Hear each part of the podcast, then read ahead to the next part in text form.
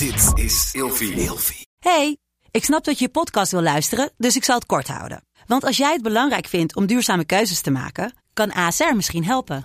Nou hoor ik je denken, hoe dan?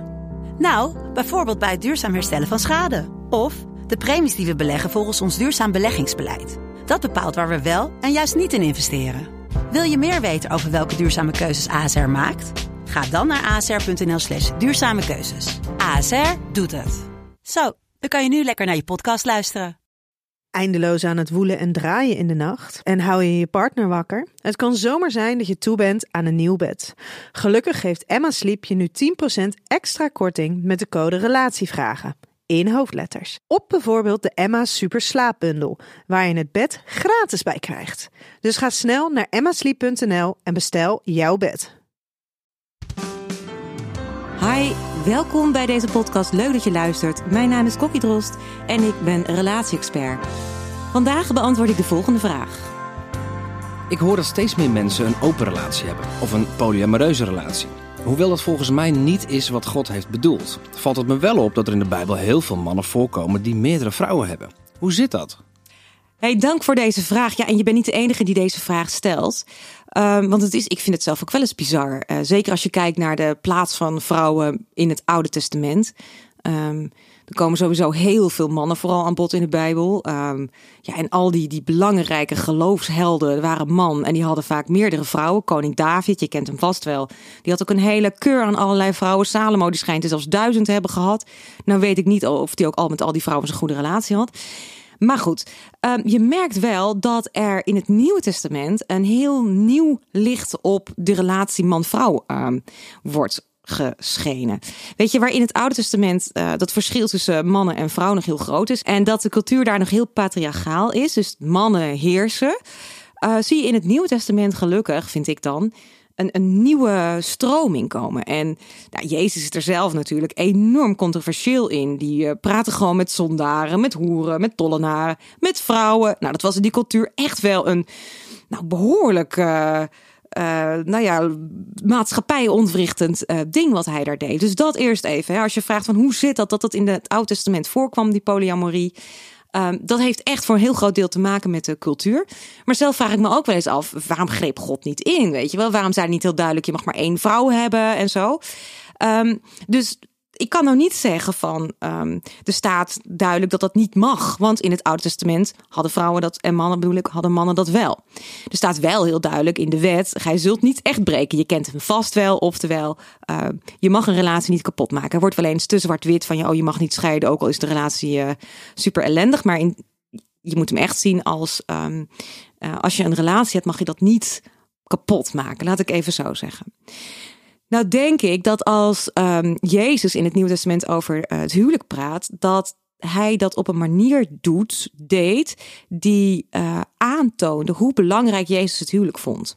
Dat hij echt zelfs zeg maar zijn relatie met uh, ons als christenen vergelijkt als de bruidegom en de bruid vind ik vrij veelzeggend. Weet je wel, dat het zo'n fantastische, unieke band is.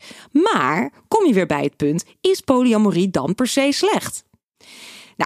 Um, ik moet je wel vertellen dat uh, als je naar het Oude Testament eerlijk kijkt, dat die polyamoreuze relaties niet per se altijd heel succesvol waren. Er kwam veel uh, gedoe uit voort. En het is ook wel wat ik van mensen terughoor die polyamoreuze relaties hebben. Het is uitzoeken. Maar wat ik die mensen wel hoor zeggen, is dat ze altijd eerlijk zijn.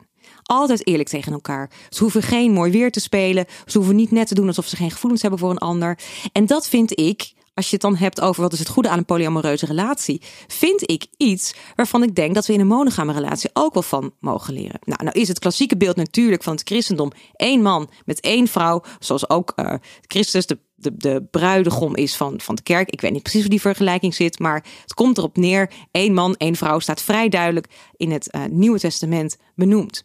Maar is het dan zo dat je van nature ook altijd monogaam bent? Nou, was het maar waar.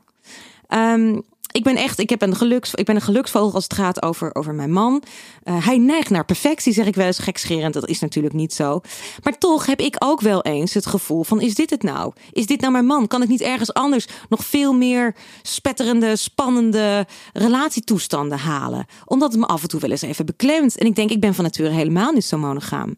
Maar ik merk bij mezelf, ik wil de keuze maken, wat is het goede voor mij? En als het gaat over um, wat Jezus zegt over het huwelijk, dan is dat niet per se van, oh, je moet altijd per se bij elkaar blijven, want uh, als je die regel doorbreekt, dan ben je ongelooflijk grote zondaar. Nee, hij zegt juist, wat is het goede voor jou en wat is het goede voor die ander? Dus kun jij eerlijk zijn in een relatie? Want dat is zo ontiegelijk belangrijk. Durf je helemaal je naakt zelf te zijn bij de ander? Nou, dat gaat eventjes af van die vraag over die uh, polyamoreuze uh, relatie. Maar laat ik het even zo stellen. Um, ik kan jou wel vertellen wat goed is of wat fout is, of hoe dat nou precies zit, of dat er dus een vrijbrief kan worden uitgegaan voor een polyamoreuze relatie. Maar ik vind het juist belangrijk dat je echt eerlijk naar jezelf durft te kijken en durft te zeggen: ja, ik kies voor monogamie. Want dat heeft echt veel meer waarde dan dat je dat doet omdat het volgens jou moet. Ook dat is een keuze, net als dat polyamorie dat op een bepaalde manier kan zijn. En volgens mij is dat een heel belangrijke nuance als het gaat over dit onderwerp. Oké, ja, ik kan er nog een uur over door blijven praten, maar ik hou het even kort. Ik hoop dat dit een, een goed antwoord was op je vraag. Succes!